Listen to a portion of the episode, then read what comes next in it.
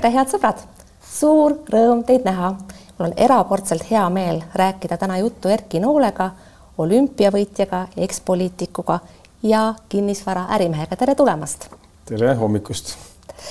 olümpiavõitjad on nii väikesel rahval nagu Eesti väga vähe ja teie olete olümpiavõitja esimeses ja kõik need tiitlid, teised tiitlid teises järjekorras.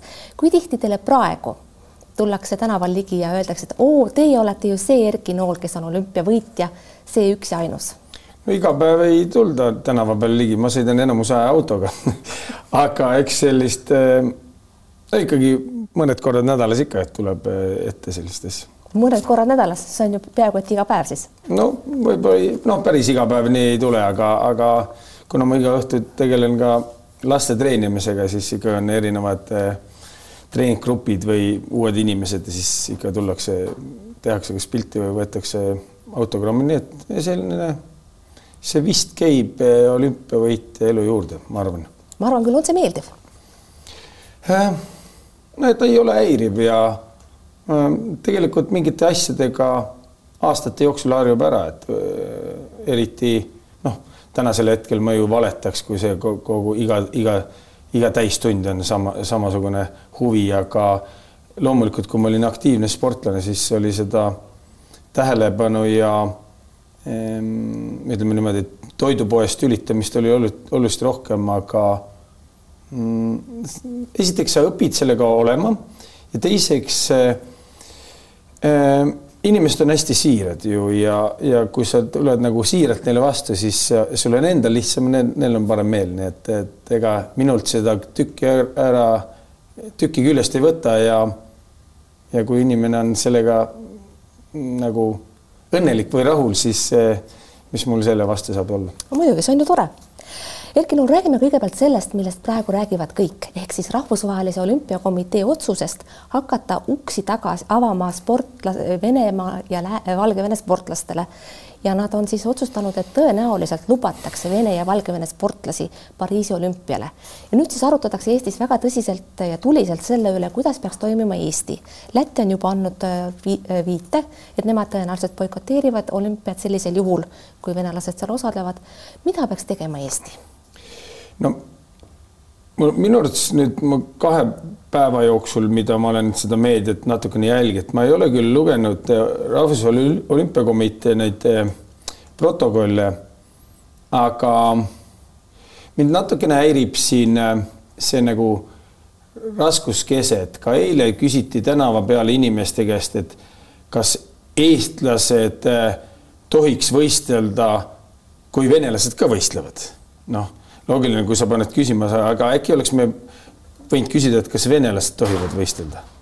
et minu arust nagu peaks olema selline küsitlus ja selline rõhuasetus ka meie poliitikutel, et äh, tänasel hetkel meil on poolteist aastat olümpiamängudeni aega, et panna nagu, nagu sportlased justkui vastutama, on minu arvates nagu väär.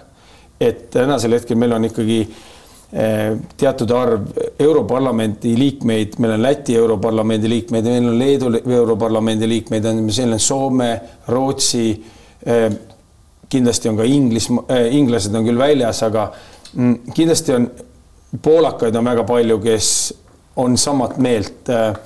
minu arvates peaks nagu põhirõhu ikkagi poliitikud tänasel töö, töö ära tegema, et me jube lihtsalt poliitikud nagu ajavad nagu sõnamulinad ja sõjavahtu ja nüüd, et vastutage teie. Et.... aga sellest ma saan täiesti aru, aga mida siin Eesti poliitikud teha saavad, selle otsuse iseenesest võtab vastu Rahvusvaheline Olümpiakomitee. Ja Eesti Olümpiakomitee juht Urmas Sõõrumaa on juba ka viidanud, et meie ülesanne siin peaks eelkõige olema siis saavutada olukord, kus venelased, valgevenelased ei võistle, aga kui meil seda no, ei õnnestu muutuda, mis siis? kui Europarlamendi liikmed ikkagi ühiselt annaks väga jõulisi signaali Rahvusvahelise Olümpiakomiteele, et Euroopa eh, liikmesliidu liikmed jäävad nagu sel juhul kõrvale. noh, päris kindlasti mm, rahvusvahelise olümpia äh,, päris kindlasti Venemaa ja Valgevene oma lipu all võistelda ei saa, juhul kui me spekuleerime, sinna on poolteist aastat aega, siis ma arvan, et ainuke võimalus, nad saaksid osaleda rahvusvahelise olümpiakomitee lipu all. aga me peame ka natukene nagu tausta jälgima, näiteks kergejõustikus eh, võistluse õiguse annab eh, Rahvusvaheline Kergejõustikuliit. tänasel hetkel Venemaa ja, ja Valgevene sportlased ei saa kergejõustikuvõistlustel võistelda, et nii, et Vene sportlaste eh, osalemine nendel võistlusel, kus nad saaksid norme täita, on tänasel hetkel võimatu, nii et eh, see peaks küll väga suur kardinaalne muutus olema Rahvusvahelise Kergejõustikuliidu mõttemaailmas, et seda lubatakse, ma vähe, vähe kahtlen, sellepärast et venelastel need teis, teine taak Äh, antidopingu reeglite rikkumine, nad ei ole neid ette antud kirjutusi täitnud siiamaani, neil on väga keeruline saada. sinna me kahjuks ei jõua praegu dopinguni, aga ma mõtlen just seda olukorda, tõepoolest, teil on õigus, on veel aega, võib-olla saab seda poliitiliselt mõjutada, võib-olla Eesti Olümpiakomitee saab seda oma kanalite kaudu mõjutada ja ka teised Euroopa Liidu liikmesriigid.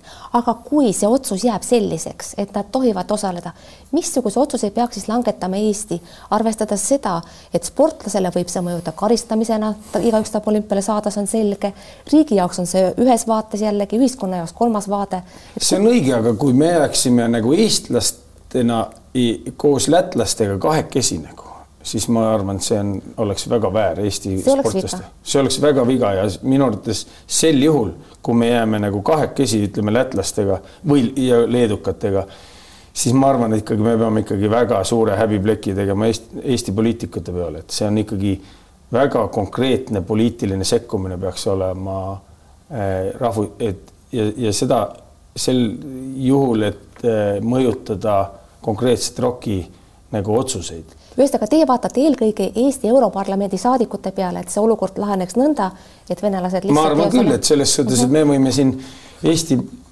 väliskomisjon võib siin kraaksuda Toompeal nii palju, kui tahab ja, ja ilusaid videosid püstitada, aga ma arvan, sellest on selline, see on ainult oma sellise mina pildi kujundamine, aga rahvusvahelises mõttes tal osakaalu absoluutselt ei ole, nii et. aga Eesti Olümpiakomitee roll, kas see on piisavalt täidetud praeguse hetkeni? kommentaare olete kindlasti lugenud. ma vaata, jälgisin eile Urmas Sõõrumaa intervjuud ja ma arvan, et selles suhtes Eesti Olümpiakomitee on antud hetkel nagu korrektselt teinud. et äh, nad on öelnud, et meie seisukoht on see, me ei toeta seda, seda, et nad ei ole nagu ei taganenud oma, ei ole laveerinud, ütleme nendesse otsustesse. Äh, mis mind küll natukene häiris, üks, üks endine sportlane, olümpiamedalist, kes hakkas juba, läks populismi teed, et juba sportlased peaksid juba võtma otsuse. sportlane, mina arvan, tänasel hetkel Eesti sportlane ei peaks võtma otsust. et ma arvan, et aastal kaks tuhat kakskümmend neli juulikuus, juuli algust me võiks nagu hakata nagu reaalselt nagu sportlaste poole pöörduma, ma mäletan kahe tuhande kaheksanda aasta Andres Helker Riigikogus tuli välja, et nüüd poliitikud on kõik teid. et nüüd on aega sportlastel teha, et boikoteerida Pekingi olümpiamänge, eks. ja siis üks eh, meie erakonnakaaslane ütles, et Andres, et kui sa tõeliselt nagu protesteerid, aga miks sa ei võta plakatit, ei lähe eh, Hiina saatkonna ette ja panna ennast põlema, et uiguuride kaitseks. et me nagu meile õudselt meeldib nagu Eesti poliitikas minu arust, ja tegelikult üle maailma on see poliitikas, et, et keegi justkui peaks minu eest tegema, aga mina kui poliitik saan ju palka sellest. et see on minu arvates nagu Europarlamendi liikmetel, neil mingi funktsioon võiks ikkagi olla. no loomulikult teie ekspoliitikuna, teil, kui te seda ütlete, see teie sõnal on kaalu, sest teie olete ise olnud poliitikas pikka aega ja, ja sellest tahaksime veel eraldi ka rääkida. aga veel enne, kui me pöörame poliitikasse, eh, ma viitasin saate alguses, et eestlased on väike rahvas ja olümpiavõitjaid on meil väga vähe ja väikese rahvana tõenäoliselt nii see ka jääb. kas praegustest Eesti tegevsportlastest, kes võiks olla tulevased olümpiavõitjad? ega meil väga palju neid, kui me vaatame kohe pooleteist aasta peale ette, siis meil on äh, kindlasti vehklejad, Epp Mäe ähm, väga raske uskuda, et pooleteist aasta pealt tuleb kuskilt tuhast fööniks ja, ja võidab eh, saja meetri jooksu ära näiteks, et selliseid imesid eh, üliharva eh, juhtub, kuigi leedukatel Sydney olümpiamängudel Kaevik rajal, Kaevik rajal jah, naisolümpiavõitja tuli, et sai suhteliselt napilt sai olümpiamängudele pääsu ja tegi olümpiarekordi ja tuli olümpiavõitjaks, nii et juhtub imesid, aga ega meil nagu üle siin kolme-nelja inimese nagu, kes, keda võiks ennustusportaalidesse panna, ei ole. Te ütlesite Epp Mäe nime, aga öelge veel palun kaks-kolm nime vähemasti. no ma arvan, et kogu võis-, vehklemistiim on meil naiste tiim, kui nad pääsevad, vehklemine on väga komplitseeritud äh, spordiala selles suhtes, need on väga kentsakate reeglitega, et me oleme isegi maailmameistrid, Euroopa meistrid ja ka kui me vaatame ka Tokyo olümpiamängude kvalifitseerimist, nad ikkagi äh, võib öelda, et tänu koroonale pääsesid olümpiamängudele, aga pääsesid olümpiamängudele, tulid kogu tiimiga olümpiavõitjaks. Et... aga kui me vaatame natukene pikemat perspektiivi kui see Pariisi olümpia, no vaatame näiteks kümne aasta peale ette ja vaatame kogu Eesti sporti. Teie pilk on lai, võite seda endale ju lubada Ehm, ega siis meil midagi rõõmustada ei ole, et meil on nagu, meil on nagu mitu probleemi, et noh, me ju kõik teame, et, eh, et meil lapsed liiguvad vähem eh, kui nelikümmend aastat tagasi. Eh, me teeme ka kõik selleks, et me lapsed liiguks vähem, et meil on haridussüsteem, meil on üle kolmesaja seitsmekümne haridusametniku haridusministeeriumis, me produtseerime kogu aeg, meil on kahe-kolmeaastased lapsed, lähevad kell kaheksast kooli tulevad koolist koju, võib-olla käivad mingid muusikad ringis või spordiringis, teevad poole üheksani eh, päevas eh, või õpp, õpp, tööd, kodused, kodused ülesanded lahendavad kuni poole üheksani, hommikul jälle pool seitse üles, kaheksast kooli. et me nagu hävitame ise seda noor, noor generatsiooni, kes meie arvates võiks siis neljakümne või kaheteist või kuueteist aasta pärast te, Teil on täiesti õigus ja see probleemi püstitus on ka väga tähelepanuväärne, aga sellest olete palju kõnelnud. minu eesmärk oli praegu meelitada teie suust välja veel mõni nimi, veel mõni tulevase olümpiavõitja ehm, võimalik nimi. nimest on väga raske ennustada, selles suhtes meil on väga palju häid, kui me vaatame ka noh, nüüd noorte olümpiapäevad oli, meil on Euroopa meistrivõistlusi erinevates spordialast, meil tegelikult on kergejõustikus, paljudel spordialadel on ikkagi, ikkagi tuleb selliseid häid sähvatusi, aga, aga ennustada juunioridest eh, täiskasvanud on väga tänav- äh,, tänamatu, kui me vaatame ka kergejõustiku statistikat, kolmkümmend protsenti ainult juunioride medalistidest on pääsenud äh, või tulnud olümpiamängudel kaheksa hulka, nii et ja ütleme, see on viimase kahekümne, kolmekümne, neljakümne aasta statistika, nii et, et ennustada tänasel hetkel, kes kaheksateistaastane, ta saab Euroopa meistrivõistlustel, maailma meistrivõistlustel kuldmedali, et ta võidab ka olümpiamängudel mingit karva medalit, väga raske öelda no ma saan aru, aga see polegi kergete küsimuste saade. kohe, kohe jõuame kergemate küsimusteni, tahaksin pöörata tagasi teie poliitilisse karjääri, mis kestis ümmarguselt kümme aastat, natukene peale ja oli ülimalt meeldejääv kui nüüd mõelda selles kontekstis, et olümpiavõitjana olete te alati kõikidele võistlustele läinud võitma, te ei ole kunagi soovinud saada teist karva medalit kui ainult kuldset ja tahtnud olla võidukas kõiges, mis te teete, siis kas võib öelda tagantjärele, et teie poliitiline karjäär oli võidukas?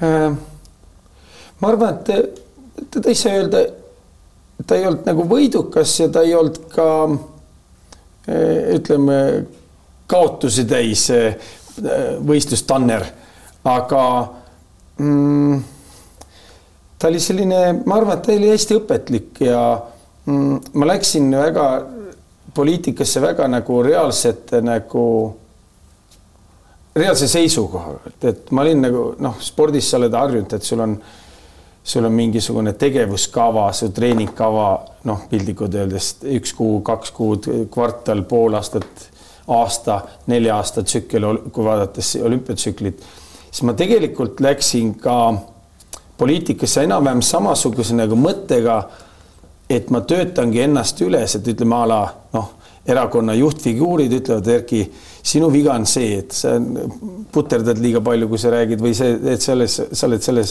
valdkonnas puruloll, et sa peaks ennast täiendama. Teile öeldi niimoodi? ei, ma, ma räägin, et ma lootsin, et mulle niimoodi öeldakse, et sa pead ennast täiendama, sa pead ehitama ennast üles nii ja nii, nii kahe aasta pärast, siis me näeme sind nii ja nii sellisena. Te lootsite, et poliitika on teile enesearengu võimalus ja nii see ei läinud? eks ta ikkagi lõpuks on, aga poliitika on selline huvitav ala, et poliitikas on kõik äh, ikkagi ääretud egoistid. ja kui me siin ka vaatame praegusel hetkel poliitika sellist äh, reklaamikampaaniad ja kõik, et tegelikult ikkagi kõige suuremad vaenlased on poliitikutel tema erakonnakaaslased, kes nopivad nende hääli. et kuigi me siin EKRE vastandub Reformierakonna, sotsid vastanduvad äh, kellegi kolmanda või neljandaga, siis ikkagi põhivõitlus ikkagi on nimekirjade sees, nimekirjade koostamine enne valimisi või ennem kui nimekirjad välja tuuakse, et seal on see võitlus ja seal on egoist ja seal nagu tegelikult äh, keegi ei oota, et sa oleks jõle särav ja tore isiksus, et saad minu koha endale no on täiesti nagu, arusaadav. et ma nagu võib-olla ma olin algul noh, esimesel poolaastal või esimesel aastal natukene rohkem sinisilmne, aga noh, no tegelikult te tegite ülimalt hea stardi, tahtsite ju saada Europarlamenti ja kuldmedalit ei võitnud, aga hõbemedali saite. aga No- sellest tol korral ei piisanud, Europarlamenti te ei saanud. kas, kas see lendstart oli mõnevõrra pettumus või, või mõjutas see kuidagi teie tulevast karjääri? Tulemus oli iseenesest ju hea. ei, ei noh, ta oli muidugi natukene pettumus selles suhtes, et ju ma ju läksin Europarlamendi vali, valimistele natuke liiga, liiga vara. ma olin ju ikkagi veel tegevsportlane ja mul, ma valmistusin olümpiamängudeks ja minu, mul oli ikkagi suhteliselt suur fännklubi üle Eesti. lihtsalt nemad ei toeta, et sa pead sporti tegema, nii et, et selles suhtes ma nagu ütleme, minu jaoks oleks võit Europarlamendi valimised olla täpselt eh, pool aastat hiljem peale olümpiamänge, ma arvan, et siis mul oleks see häältesaak eh, suurem olnud, siis ma oleks ise ka seda tõsisemalt võtnud, aga ma läksin ju Europarlamendi valimistel ikkagi niimoodi, et ma pidin olema erakonna esinumber, aga nagu ikka poliitikas käib, noh, meid rää- räägitakse ära, siis tuleb ja siis käib eh, selline laveerimine ja, ja ma arvan, et õige mees võitis ka tol, tol korral, et ikkagi No oluliselt kogenum eh, poliitik kui mina. tol korral oli teil tõepoolest alles Ateena olümpiamees ees teil ja loomulikult see segas teil keskendumist. vaatame korraga siis kohe seda teist poliitkarjääri otsa ehk siis seda, kuidas te lahkusite, see oli kahe tuhande viieteistkümnendal aastal selle kurikuulsa tsitaadiga, et kuna meil parts feilis, siis läks kogu värk tähega algavasse kohta. kaksteist, üksteist või, või? Või 2015 valimiste järel. jah, kaks tuhat viisteist valimised, jah. jah, ja siis te juhtisite tähelepanu ka sellele, et mitte ainult parts ei feilinud, vaid aunast ei läinud inimestele peale ja tegelikult teil endal läks see kampaania ka sinnasamasse tumedasse kohta. miks see tookord nii läks, kas inimestel sai teist kõrini? Või, või olite te ise ennast ähm, tegelikult ma olin, ähm, kui ma, me olime Riigikogus ja to, oma, oma äh, pinginaabriga Toomasega, Tõnistega, me tegelikult äh, päris juba ikkagi peale teist valimist nagu me mõlemad mõtlesime, et me nagu, et kaks tsüklit on nagu kaks korda Riigikogus. ja kaks korda Riigikogus on nagu piisav aeg selles suhtes, et äh, sa tegelikult mandud selle rutiiniga ära, et noh, lõpuks sa oled ikkagi, ikkagi noor inimene, sa pead midagi veel tegema, et noh, et Te tunnistate tagantjärele, et te ise kahe ko- koosseisu liikmena mandusite ära. Ei, ma ei ütle, et ma mandusin, aga ma, ma nägin neid eh, eluaegseid eh, poliitikuid, kes tulid, kes oli juba kakskümmend aastat tulnud. rahanduskomisjoni liige tuleb, jääb hiljaks ja seaduseelnõu esimene lugemine. siis ta tuleb ilma paberita, ta pukki jo jooksis, noh, piltlikult öeldes jooksis pukki ja siis hakkab küsimustele vastama. Need on nii kogenud, nad räägivad lihtsalt umbluu ja siis ma vaatasin, et ühe korra mõtlesin, et kurat, nii ei tohi teha. noh, näed, ma ei taha, et, et ma nii kogenuks saanud, et ma räägin ükskõik millest, aiaaugust, on see rahandus, on see, ma ei tea, meditsiin, on see teine, kolmas, et selles suhtes see nagu, ma mõtlen nagu mandumist selles, selles kontekstis, et sa nagu lähedki, muutudki nii libedaks ja mugavaks No ma ei mõtle seda libedust siin nagu halvas kontekstis, aga lihtsalt see mm -hmm. Valdkond õpetab sind niimoodi. aga mõnes mõttes pööras ikkagi erakond ka teie vastu, et, et parts nagu solvus teie peale ja solvusid ka teised ja loomulikult ei olnud teie üksi kuidagi vastutav erakonna kehva tulemuse eest tol korral, aga, aga teile heideti seda ette, seesama partsi failimise lugu, et ei öelnud seda tegelikult kaamerasse, see, see oli öeldud mööda minnes ja kaamerasse juhuslikult, aga teile pandi seda pahaks, kuivõrd te tundsite, et erakond pahaks, nagu, aga- nagu kaasülitas teid omalt poolt välja? no tegelikult äh, äh, kuna ma ise natukene nagu sisimas mm, plaanisin mitte osaleda mm, valimistel, aga tol hetkel oli detsembrikuus kuidagi liiga palju, kui need nimekirjade arutasid, oli nii palju erinevate erakondade inimesed nagu tundsid ennast jube solvatuna. meedias ütlesid nad nagu kohe nagu kibestunud, solvatuna avaldasid, et miks nad lahkuvad poliitikast niimoodi ja ma ei tahtnud sinna nagu mul võib-olla see mu isiklik, ma ei tahtnud samasuguse nagu tol, tolade nagu kampaaniasse minna, siis ma ikkagi otsustasin mitte oma nime, kandideerimist maha võtta, aga, aga noh, kuna, kui mind pandi juba, ma olin kolmandal valimistel kolmandas piirkonnas, kuigi ma, see oli küll minu soov, et jääda Tallinnasse. Aga kui ma, ma, mind pandi juba nagu kolmandaks nime nimekirja kolmandaks, kolmandaks., siis see uh -huh. oli minu jaoks selgeks, et, et erakond väga nagu mm, väga nagu intensiivselt ei, ei toeta ja kuna, kui, kuna ka ma olin äh, keskkonnakomisjoni esimees, siis ma mäletan ka meie nagu arutelu või ma tean, mitte äh, neid arutelu ja neid hääletamisi enne, eelnevalt, et äh, ma oleks selle, kas ma saan või ei saa keskkonnakomisjoni esimeheks, siis noh, ma nägin, et mul väga toetust ei ole, aga see Partsi fail imine ähm, noh, see, see kurikuulus või lause, et äh, ma arvan, et me poliitikutena ei ole paljudel me sellist nagu mm, lihtsaid vigu, vigu ja ütleme, spordis on nagu, kui sa oled sportlane, sul on nagu, sa viskad oda ja sul on vale rütm ja treener ütleb, sul on vale rütm, siis kas sa muudad rütmi, et saada paremaks või ei muuda kui me tegime, Isamaaliit tegi hästi mitmel, mitmel korral hästi energiamahuka ja ajamahuka selles suhtes, et kampaania ukselt uksele uh. Mhm. -huh. Et ühtepidi ta oli kohutav äh, koormus, eriti kui sa olid Lasnamäel, kus on aadressid, majad jooksevad niimoodi, et keegi aru ei saa, et siin on. no te olete sellest rääkinud, kuidas te korduvalt koputasite uksele, teile öeldi sealt pašol. jah, et ja aga selles suhtes näiteks eh, Harjumaal inimesed andsid, noh, meil oli ka Toomasel näiteks eh,, Tõnistel, tal oli abilised, kes käisid erinevas mm -hmm. ja sellist nagu viha ja negatiivset seda, selle munade korvi nagu reklaamikampaania mm, -hmm. see oli lihtsalt ebaõnnestunud aga te tahtsite üt... tegelikult öelda, et kui te sellest rääkisite erakonnas, siis seda tagasisidet. keegi ei pööranud tagasi uh, -huh. need munad oleks kohe pidanud korvist välja viskama, minema tegema, teeme, ma ei tea, lilled ja linn, linn, linnud ja lilled, mingisugune reklaam, ükskõik mingi teine tobedus uh. -huh. aga see ei toiminud ja kui sa saad nii adekvaatset tagasisidet siis tuleb muudata.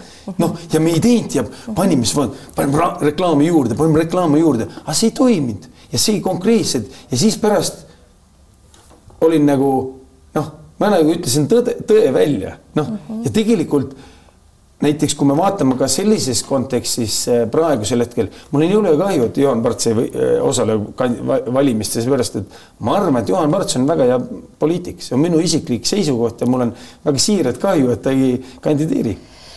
No ta tuleb kindlasti Eesti poliitikasse tagasi, kuna ta ei jätka kontrollikojas, nagu me värsketest uudistest teame. ja aga oleks võinud suurema nagu hooga tagasi tulla võib-olla saame sellele omalt poolt kaasa aidata, kui Erki Nool ütleb, et ta peab tagasi tulema, siis äh, kindlasti jõuab see temani ja võib-olla ta kaalub seda. aga natukene tahaks teiega rääkida ka Isamaast, nii nagu ta oli siis ja nagu ta oli, on, on praegu. et äh, sellel ajal, kui teie ära läksite, siis noh, kahe tuhande kuueteistkümnendal aastal hakkasid alles poliitikas asjad juhtuma ja ka Isamaa muutus väga palju. tuleb öelda, et pärast seda, kui Helir-Valdor Seeder on saanud erakonna juhiks, on, on erakond muutunud. kas teie võiksite omalt poolt kokku võtta, missugune on see muudatus olnud? No selles suhtes on Isamaaliit on äh, omapärane erakond, et kui palju ta on äh, kasvatanud Eesti selliseid äh, pooltipp või tipp-poliitikuid, et kui me vaatame, kui noh, Isamaast on läinud äh, Reformierakond on praegu üks minister, üks äh, väliskomisjoni juhtfiguure äh, oli. Nii et, et, et ja siis, kui me vaatame, et Eesti kakssada parempoolsed, kõik on ju Isamaa äh,, Isamaast välja kasvanud poliitikud ja selles suhtes Isamaa on nagu tugev organisatsioon, aga ma arvan, et Isamaa teeb, on aastaid teinud mõningaid nagu selliseid mm, personaalpoliitilisi vigu.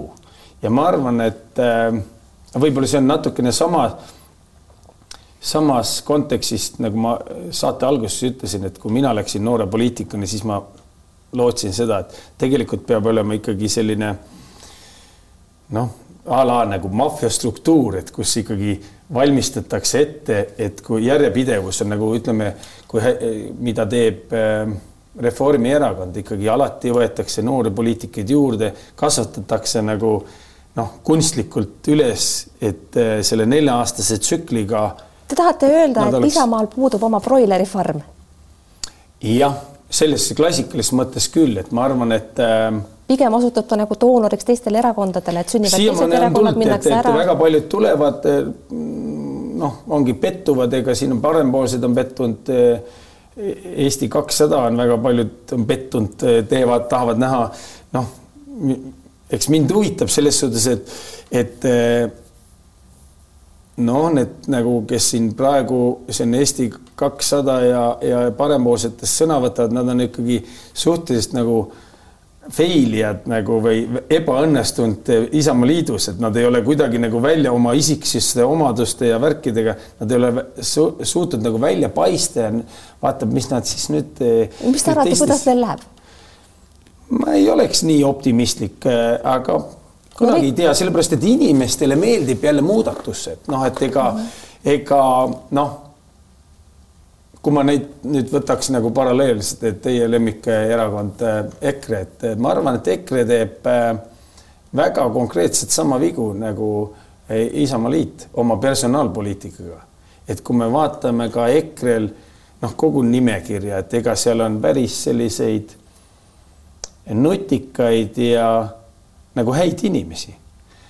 aga kui sa ei kasvata aastate jooksul peale kui me teame ainult kahte persooni, siis ta ei ole lõpmatuseni jätkusuutlik et noh, ta ei saa nagu lõpmatuseni on, et sul on no,, inimesed tahavad öelda, värskust. ainult helmetest ei piisa, eks ole. jah mm -hmm., et mhm. inimesed tahavad värskust ja see mm, -hmm. seda võib-olla eh, see Eesti kakssada parempoolsed annavad, kuigi kui ma vaatan nende programme, siis see on nagu suur sõnavaht, et ma ei näe seal ühtegi asja, mida, mis mind kõnetaks näiteks, aga eile huvi pärast ka vaatasin siin Aktuaalse Kaamera uudistest oli ka, et ega enamus erakonnad pakuvad ühte sama, kolm protsenti kaitse seda, seda noh, rahu Ukrainas, noh, kes, kes ei toetaks rahu Ukrainas, et isegi venelased toetavad rahu Ukrainas, ainult lihtsalt küsimus on, kuidas nad nagu mis vaatenurgast nemad seda rahu toetavad, kas see, et venelased võidavad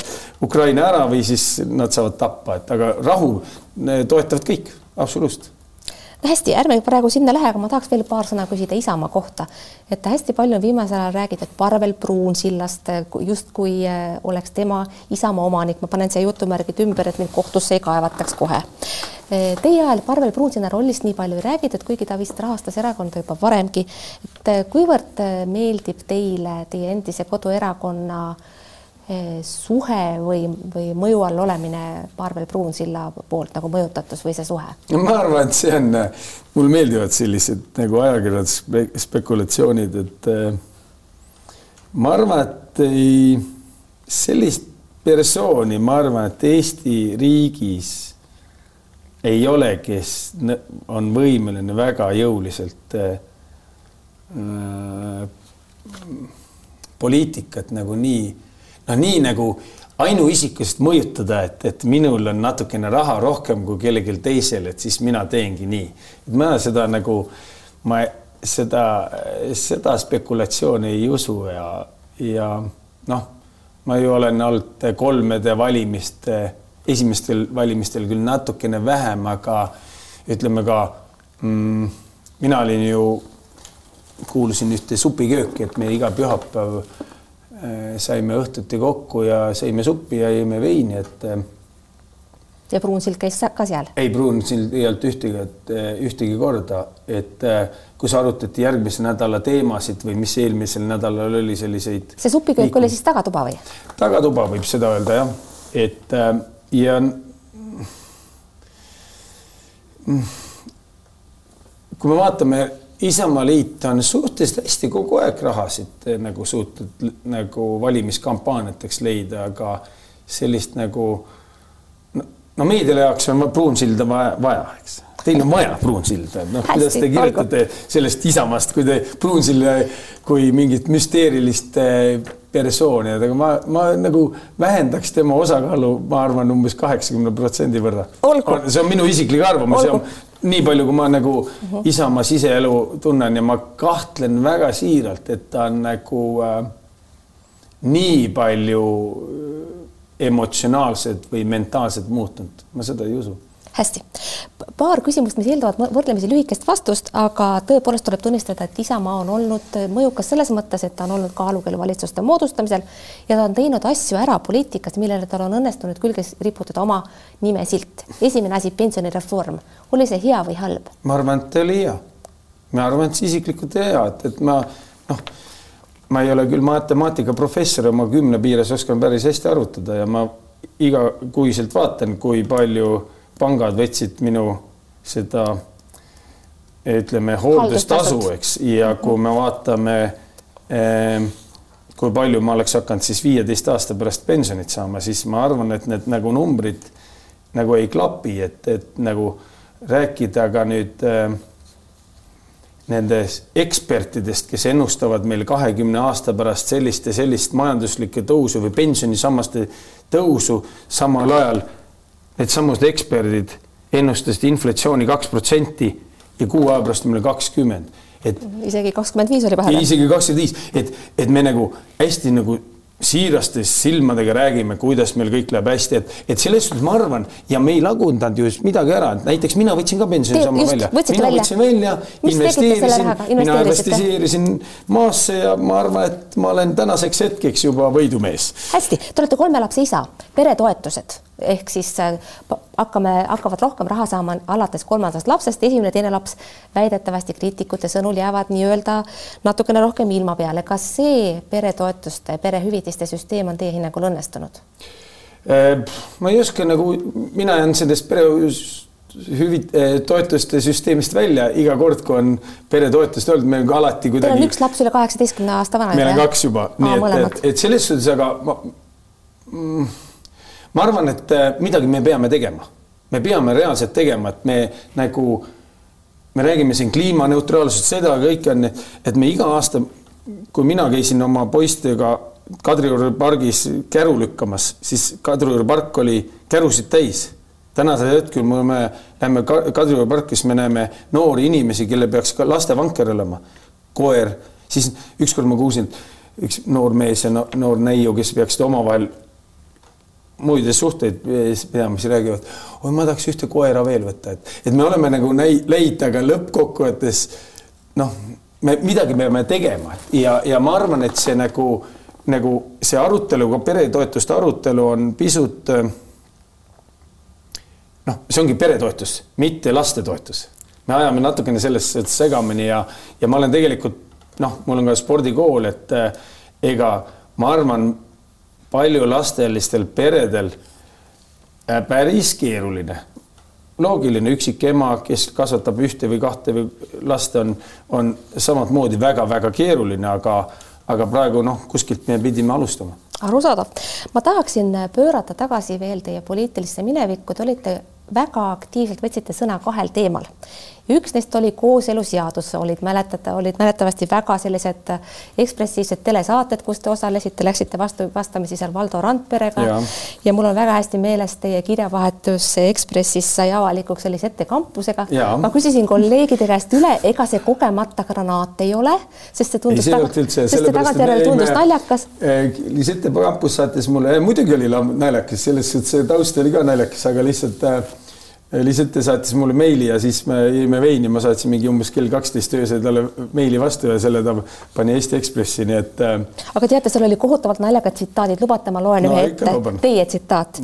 igaüks, kes tahab hoiduda homoseksuaalsest käitumisest, peaks vältima praktiseerivate homoseksuaalide seltskonda. Ja siis te vahetasite selle kampusega veel üksjagu armastusväärsusi, aga kui ma seda täna loen, te siin viitate ka, et homoseksuaalseid harjumusi, äh, nendest saab vabaneda, eks ole, psühhoteraapia abil ja religiooni abil. Ja see tundub praegu naljakas ka selles mõttes, et me oleme harjunud sedasorti teksti kuulama siis Objektiivi meestelt või siis ka EKRE-lt. äkki aga... Objektiivi mehed on laenanud minu tsitaate? täiesti võimalik, aga, aga te möönate ise ka, et see on naljakas, et kas te tagantjärele nagu leiate ka, et see, need argumendid olid kuidagi kohased või kas te arvate praegu ka niimoodi?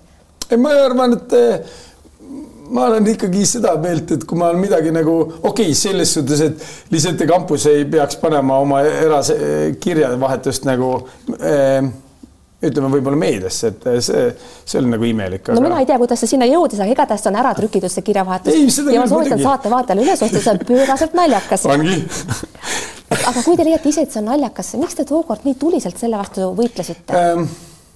Mis, mis sellel kooseluseadusel, no okei okay,, see ei ole praegu no, ütleme, ütleme, kui me ikkagi võtame, kui me läksime selle kooseluseaduse peale, siis see on, ma arvan, Eesti parlamentaar, parlamentaarses ajaloos ikkagi kõige ähm, kõige halvase juriidilise praktikaga seadus üldse, mis on vastu võetud, noh, kui mina olin keskkonnakomisjoni esimees, siis me ei, me ei tohi oma komisjonis isegi ühtegi seadust välja lasta mis on nagu puudulik. noh, ütleme, kui sul, kui sa seadust rakendada ei saa, siis seaduse mõte on absurdne ja võib-olla sellepärast, et äh, ka see Randpere ja kõik Reformierakond, kui see hakkas seda võitlema, siis oli ju see kooseluseadus ju äh, oli ainult sellepärast, et inimesed, kes on vaba abielus, mees ja naine, et kaitsta naise õigusi ühesõnaga te heidate ette, et, et poliitik... see oli hoopis, hoopis teine mõte, siin ei olnud eh, ütleme, homoseksuaalsetest ei olnud mitte juttu ka, Randpere üritas ka seda panna, et, et, et selles suhtes see läkski loomulikult selleks emotsionaalseks, mina ütlesin ka, eh, mina tegin ka ettepaneku, et kui me tahame kooseluseaduse mõttes eh, kaitsta paare, abielupaare, kes on, ei ole registreeritud ametlikult, siis võtame sellise inglaslikku praktikat, kui sa oled nagu koos elanud viis aastat, mida iganes, kui on lahutus, siis on visti-visti, nii nagu paljudes riikides on või et kui me tahame lapsi ka toetada, eks näed, kui noh, on no ma saan kõigest aru, te heitsite ette, et see seadus, seadus on ebatäiuslik ja heitsite. ta ei ole ebatäius, loogiline, ta on ebatäiuslik, tal ei ole mingit rakendussätet, sa ei saa seda ja, rakendada. ja no seda kõike me teame, eks ole.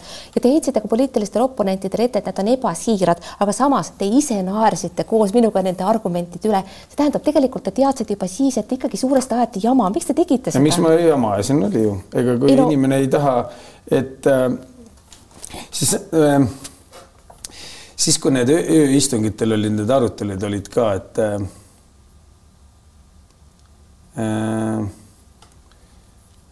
las need ööistungid olla, ma küsiks pigem niimoodi, mis teil nende homadega vastu mul ei ole mitte midagi, on ju, mul ei ole mitte midagi, aga äh, ongi, aga ma ikkagi seda, selles suhtes ma olen suhteliselt ikkagi konservatiivne inimene, et minu arust nagu iga inimene jääb nagu äh,, tegeleb oma asjadega nii, nagu ta tegeleb, et noh et äh, mina näiteks oma, oma veidrusi väga palju ei, ei presenteeri meedias. nii et homoseksuaalsus on veidrus endiselt? ma arvan küll, jah. seda ma arvan küll kas teie seisukohad pagulaste suhtes on muutunud? pagulased olid teine äh, selline teemagrupp, mille suhtes te sõna võtsite ja leidsite, et Eesti peaks nende vastuvõtmisega olema erakordselt ettevaatlik. praegu Ukraina sõja äh, kontekstis kisuvad seda teemat üles jällegi EKRE poliitikat, kas kas praegu oleks see pagulaste teema, vastuvõtmise teema teie mõttes, teie mõttes teistmoodi õigustatud või on see seisukoht ikka samasugune nagu siis?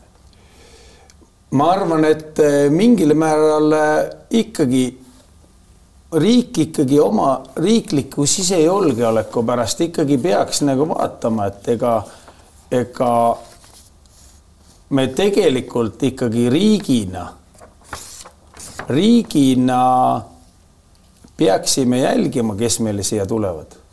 ma arvan, selles suhtes, et kui meil tulevad nagu Ukraina numbrid, märkidega autod sõidavad läbi Venemaad, kusjuures ütleme, venelased on suhteliselt agressiivselt meelestatud, et kas meil tulevad kõik need sõjapõgenikud, keda me noh, on ju. mina, mina, ma tahan, ma tahan selles suhtes, et ma olen aidanud päris palju ukrainlasi, ma toetan finantsiliselt, ma olen aidanud tippsportlaste eh, vanemaid, oma õde, nagu õdede-vendadega, kes elavad Eestis. Mm, olen päris äh, olen, ütlen ait, aidanud ja aitan ka praegu finantsiliselt. Aga, aga, aga ma ütlen lihtsalt, et ma, kui me räägime riigi seisukohast, absoluutselt, me peame aitama Ukraina sõjaväelast, kui ikkagi majad hävitatakse, et me peame seda, aga kui me räägime nagu riigi seisukohalt, siis me peaks teadma tegelikult, palju meil inimesi sisse tuleb, millega nad tegelevad, kes nad on. et, et eh, sellepärast, et ühel päeval see sõda lõpeb ja siis me peame teadma, kes meil siin ikkagi on, see on minu isiklik arvamus. kuulge, aga see isiklik arvamus on väga sarnane EKRE omaga, kas EKRE omad ei ole käinud koputamas teie ukse taga öelnud, Erki Nool, te olete meiega nii sarnane.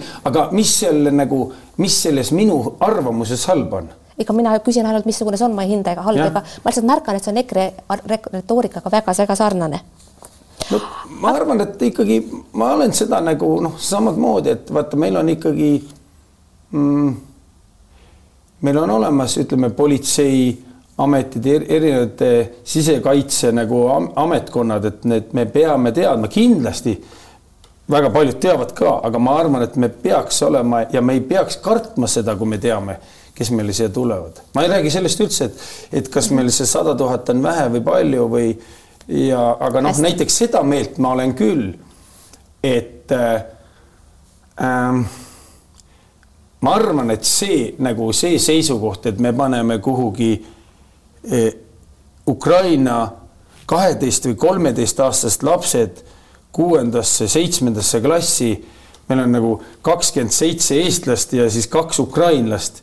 noh, ma arvan, et see ei toimi, ma arvan, et me ikkagi peaks tegema, et aitame ukrainlastel nagu haridust nagu oma keeles saada või siis omale nagu arusaadavas keeles, kui me tahame neile eesti keelt õpetada, siis õpetame, aga me ei tohi vähendada mm, vähendada Eesti laste hariduse kvaliteeti, sellepärast et õpetaja peab tegelema või siis klassis on üks vene keelt oskav poiss, kes aitab õpetajat, kes on noor, kahekümne kuueaastane ei oska nii hästi vene keelt, et siis no see ei ole nagu tõsiseltvõetav haridussüsteem. hästi, teie mõte mulle täiesti arusaadav. Lähme lähenevate valimiste juurde, kus teie seekord ei kandideeri ja võib-olla ilmselt ei kandideeri vist enam kunagi või olete te mõelnud poliitikasse naasmise peale? ma ei oska selle kohta vastata, et, et kunagi ei tea ei, kunagi ei tohi öelda ei, aga, aga tänasel hetkel ma olen selline, mulle õudselt meeldib, kui ma vaatan Aktuaalse Kaamera uudiseid ja näitab seda Riigikogu seda kellukest tin-tin-tin-tin, siis mul on nii hea meel, et ma ei pea seda selle järgi saali minema. hästi, aga, aga ennustame natukene, mis hakkab saama, kes võidab valimised ja kes moodustab valitsuse, sest teatavasti need ei pruugi alati üks ja sama olla. tänasel hetkel on natukene, ma arvan, et ma arvan, et Reformierakond võidab valimisi, ma arvan millegipärast, et ta Eh, ilmselt on suure tõenäosusega ikkagi EKRE teine. ma arvan, et eh, kolmas on Keskerakond. ja valitsuse teeb kes? Eh, oleneb kõik, kuidas läheb nendel uut, uutel, uutel tulijatel, parempoolsetel ja kahe, kahesaja, kuigi ma arvan, et nad mõlemad sisse ei saa, ma ei usu seda. ma arvan, et Isamaa saab ma millegipärast arvan, et Isamaa saab rohkem hääli kui sotsid. Ähm, et kõik oleneb seda, et millise kaalukeelega tuleb, kui näiteks parempoolsed või Eesti kakssada saavad parlamenti, siis, äh, siis tõenäosusega ma arvan, et valimise, äh, valitsuse moodustab Reformierakond. kui neist kedagi ei saa, siis ma kahtlen, et Reformierakond valitsust moodustab hästi. kui need valimised hakkasid hoogu sisse saama või õigemini kampaaniad, siis eh, Reformierakonna juht Kaja Kallas ehitas üles väga tugeva vastuseisu, et suur valik, suur vastasseis EKRE, Keskerakonna vahel, aga tegelikkuses ei ole seda vastasseisu kuigi teravalt, mitte Keskerakonna, vaid EKRE vahel ja Reform ja EKRE siis. aga seda vastasseisu ei ole kuigi tugevana tekkinud ja reitingutes ka on hakanud järele võtma Keskerakond, keda me harjusime pidama kolmandaks. Kas oskate seda fenomeni kuidagi selgitada, ma pakun välja ühe spekulatsiooni, mis võiks seostuda ka teie enda minevikuga, teiegi käisite tantsusaates, no ja Jüri Ratas käis ka. Ja võib-olla Jüri Ratas käis tantsusaates ja sellepärast hakkaski Keskerakonna reiting paranema. No ma ei usu, see tantsusaade nüüd see nii suur mõjutaja ka aga ei ole. aga mis siis oli? Äh, no ega me, me oleme Eestis oleme nagu hu huvitav nagu äh, riik, et ega me ei ole väga protestialtid. kui me vaatame, prantslastel on kogu aeg meeleavaldused, et nad protestivad iga asja peale, kui kusagil tõstetakse kümme senti bensiini hinda, siis inimesed tulevad tänava peale. meil pani elektri hind pani nagu rakett üles, et meil, me maksame, vahepeal oli, vaatasin statistikat. Soomes oli ühe kvartalis oli poole odavam elekter, et meil on Nord Pool ja me oleme ühine võrg, elektrivõrgu hind, me toodame elektrit, me saadame CO2 pärast saadame inimest tööle või koju, siis kompenseerime natukene need töötu abiraha, selle asemel nad võiks nagu elektrit toota, et, et kuidas... me ei ole nagu protestialtid ja see on nagu hästi üllatav, aga ma arvan, Keskerakonna nagu ikkagi tõus on ikkagi see, et talvel praegu on külm, inimestel on arved päris suured ja see ikkagi mingil määral hakkab mõjutama, et ja noh, märts, kui me praegu paneks miinus kahekümne viie peale, mida soojem ilm on, seda suurem šanss on Kaja Kallasel, ma arvan, et kui ikkagi praegu oleks kuu aega järjest oleks miinus kakskümmend viis ja inimesed reaalseks näeks oma nagu neid arveid, siis see oleks nagu see kindlasti, sa võid rääkida ükskõik millistest kätest ja käpikutest, aga see on ikkagi, kui sa ikkagi viskad äh, maksad rohkem raha ära, kui sa teenid nagu selleks, et eh, valgust ja soojust kodus hoida, siis see mõju, mingil määral ta ikka mõjutab. ja arusaadav tahaks rääkida ka sellest, kuidas teil läheb ja mis te praegu teete. vaatasin mina krediidiinfost teie firmasid, no ei paista sealt midagi suurt. oli teil see taksopargi vana maja, pidi tulema neljakümne viie korruseline hoone, pole seal neljakümne viie meetrine. oh, vabandust, neljakümne viie meetrine, aga ühesõnaga pikali ta tõmmati, midagi erilist seal vist asemele pole tulnud. millest te õigupoolest elate? ma vaatasin. aga Eestis äh Eestis peakski nagu valimistel, kui me räägime valimist, me rääkisime, hästi palju räägime, meil meeldib umbluu juttu, et pagulasi ei tohi ja seda ei tohi, aga me ei räägi nagu nagu reaalsetest asjadest. aga räägime reaalsetest et, asjadest, räägime et, sellest, millest te nagu, elate. et mina, mina elan, ma olen iga päev annan treeneritööd ja ja mingil määral mul ikkagi see kinnisvara ka sisse toob, et. aga ma vaatasin, et see on kommi raha, mis te sealt kinnisvarast saate. treeneritöö annab siis teise poole, jah? ma olen ainuke ka töötaja seal ettevõttes aga teen kõiki, olen kojamees, olen kõik asjad, olen remondimees, kõiki asju teen. no ma vaatasin aga..., sealt tuleb teil kuskil paar tuhat eurot kuus, teil on kolm last ja perekond, no te ilmselt sellega ei majanda ennast ära. teine no, pool tuleb siis, teine pool tuleb siis no, treeneri tööst, jah? treeneriamet ka, jah mm. -hmm. mul on spordikool. meil on suhteliselt palju lapsi, meil on päris edukas spordikool, me oleme U neliteist, U kuusteist ülekaalukalt Eesti kõige edukam kergejõustikukool tänasel hetkel või spordiklubi. Äh, U kaheksateist võistlused tulevad, siis saab, näeme, kas seal ka tõuseme või ei tõuse või U kakskümmend. et äh, ma olen päris suur äh, spordikogus ja igapäevast ma ikkagi kella neljast kuni ütleme kaheksani teen ikka iga päev nagu oma kooli, koolilastega teen treeneritööd ja ka hommikuti mul on üks tippsportlane, hommikuti teen veel seal, nii et ma. kes see tippsportlane on? Risto Lillemets, see kümnevõistleja, et noh, et äh, hakkab ka see nädal võistlema, nii et eks vaatab, aga. aga ma siit taustalt nagu kuulen seda, et kinnisvaraärimees Erki Nool on siiski läbi kukkunud, need tema suured plaanid, mis tal olid, need ei teostunud. suurt raha sealt tulema ei hakanud äh,. ei, see ei kunagi ei tea, et ega mul ei, ma ei ole ju midagi realiseerinud, et äh, ma ei ole hetkel realiseerinud äh, oma nagu kinnisvara, et ma olen küll natukene juurde soetanud, aga, aga. no aga ei paista sealt rahavoogusid. meil on ju huvitav, et ma tulen nüüd valimiste juurde veel, et Võru linnapea äh, Allas postitas sotsiaalmeediasse et eh, valige mind, et olen otsustanud eh, kandideerida sellepärast, et Kagu-Eesti oleks nähtav ka Toompeal, et, et Kagu-Eesti põhiprobleem. oota, aga kuidas see puutub nüüd? oota, ma kohe räägin, ma, ma tulen eh, jutuga, et Kagu-Eesti põhiprobleem on selles, et toetusi jagatakse eba nagu ebaõiglaselt. et kui härra Allas saab nagu sinna, siis ma ütlesin, et vaadake, et mul on, kirjutasin talle Facebooki, et mul on üks sõber, saepuru sass, elab Tallinna lähedal ja plaanib investeerida äh, Kagu-Eestisse, tehast ehitada. ja nüüd on ta Võru linnas otsinud kaks krunti endale, üks krunt, üks renoveerimist vääriv maja. et kaua võtab Võru linnas, et ta saaks, kui tal on homme pak-, dokumendid korras, kaua võtab aega, et ta saaks kopa maasse lüüa ja siis tuleb ilus poliitiku jutt, eks.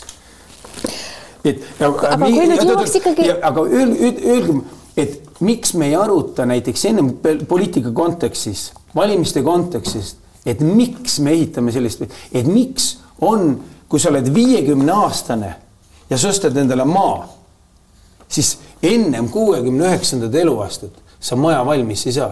aga mis selle taksopargi majaga ikkagi on, see kuulus ju teile ja linn lükkas selle pikali, on see ikkagi endiselt teie ja, oma? minu maa, on, aga vot see on nii komplitseeritud. Äh, teie maja, linn lammutas ära. linna, linnal on oma osa, linnal see, mis on auk, on siin linnamaa. ja mis sealt siis edasi nüüd saab? seda me vaatame praegu, teeme linna ja linn, naaber ja mina teeme uut detailplaneeringut, et selles suhtes, et eri, erinevatel aegadel on natukene majandusmudelid muutuvad. kui detailplaneeringu kätte saan, siis hakkan ehitama, aga detailplaneeringut, eh, niikaua kui detailplaneeringut menetletakse, nii kaua ei ehita, nii, nii lihtne see ongi, et okay., et kuna meil on arvutimajandus, aga siis veel ikkagi ei lähe tänu tehnoloogiaga meil Eestis elu ei lähegi eh, tõhusamaks. hästi, paar lühikest küsimust veel. varsti on presidendi vastuvõtt, kas olete kutsutud? mina ei ole kutsutud. millal viimati käisite? Käisin äh, Eesti Vabariik sada. muidu käisin küll alates üheksakümne viiendast aastast. kunagi oli teil Mercedes, siis oli Porsche, aga juba siis te rääkisite, et igatsete Ferrarit. kas olete selle vahepeal soetanud? ei ole Ferrarit soetanud. millega sõidate? sõidan Audiga Teil on kolm last, ma saan aru, pojad on siis juba täiskasvanud ja tütar peaks olema siis kui vana täpselt? Tütar on kolmteist. Äh, mõlemad pojad on tublid sportlased, kuidas on tütrega, kas tema treenib end nüüd ka või missugused plaanid temal on äh,? praegusel hetkel tal on selline aktiivne treeningpaus, sellepärast et äh, ma kõikidel lastel on suhteliselt äh, äh kasvuperiood on suhteliselt valulikud, et äh, põlved ja jalad ei lase trenni teha, nii et ma loodan, et mul tütar hakkab ikkagi vaikselt rohkem ja rohkem sporti tegema. kuidas läheb poegadel, hästi lühidalt? Robin äh, Robin lõpetab sel kevadel Ameerikas ülikooli, ma arvan hästi. Oliver käis, eh, lõpetas armees teenistuse, loodan, et sügisest asus, asub ülikooli õppima. Teil endal oli aastaid tagasi põlveoperatsioon, mis takistas teid jooksmast. kas praegu jälle saate joosta või takistab põlv seda endiselt?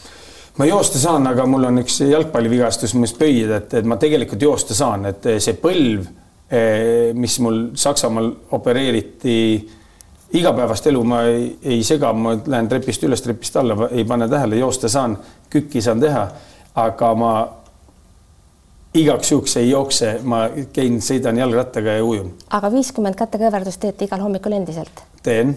aga muidu teete trenni ainult kaks korda nädalas, kas seda endise tippsportlase jaoks liiga vähe pole? Kui sa oled laiss, siis on vähe, eh, siis on parasjagu me kohtume teiega homme trennis, aga viimane küsimus käib teie perekonna kohta veel. Kadri Kivisega olete koos väga pikka aega. mis on teie pikaajalise kooselu saladus, pole ju võimalik, et teil pole kunagi ühtegi erimeelsust olnud?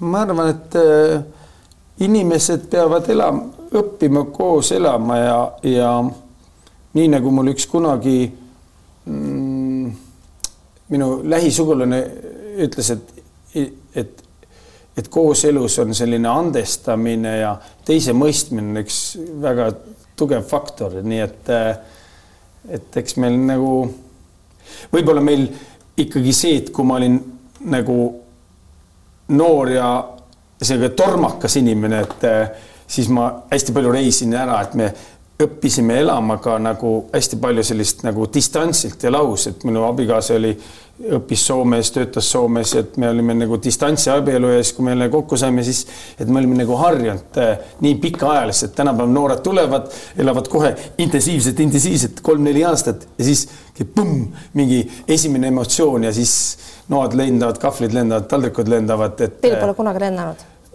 Niimoodi konkreetselt füüsiliselt küll mitte, aga loomulikult, eks me kõik ole emotsioon, emotsionaalsed, aga ma arvan, et selline üksteise mõistmine on nagu kõige-kõige tähtsam. Erki Noor, ma tänan teid südamest selle meeleoluka jutuajamise eest, me kohtume homme trennis. head sõbrad, aitäh, et te vaatasite, saade oli tänane pikk, sellel on oma põhjus. põhjus on see, et saate seda intervjuud pikemalt lugeda ka LP-st. tuhat tänu, et vaatasite, olge vahepeal terved, järgmine saade on järgmisel nädalal, kuulmiseni ja nägemiseni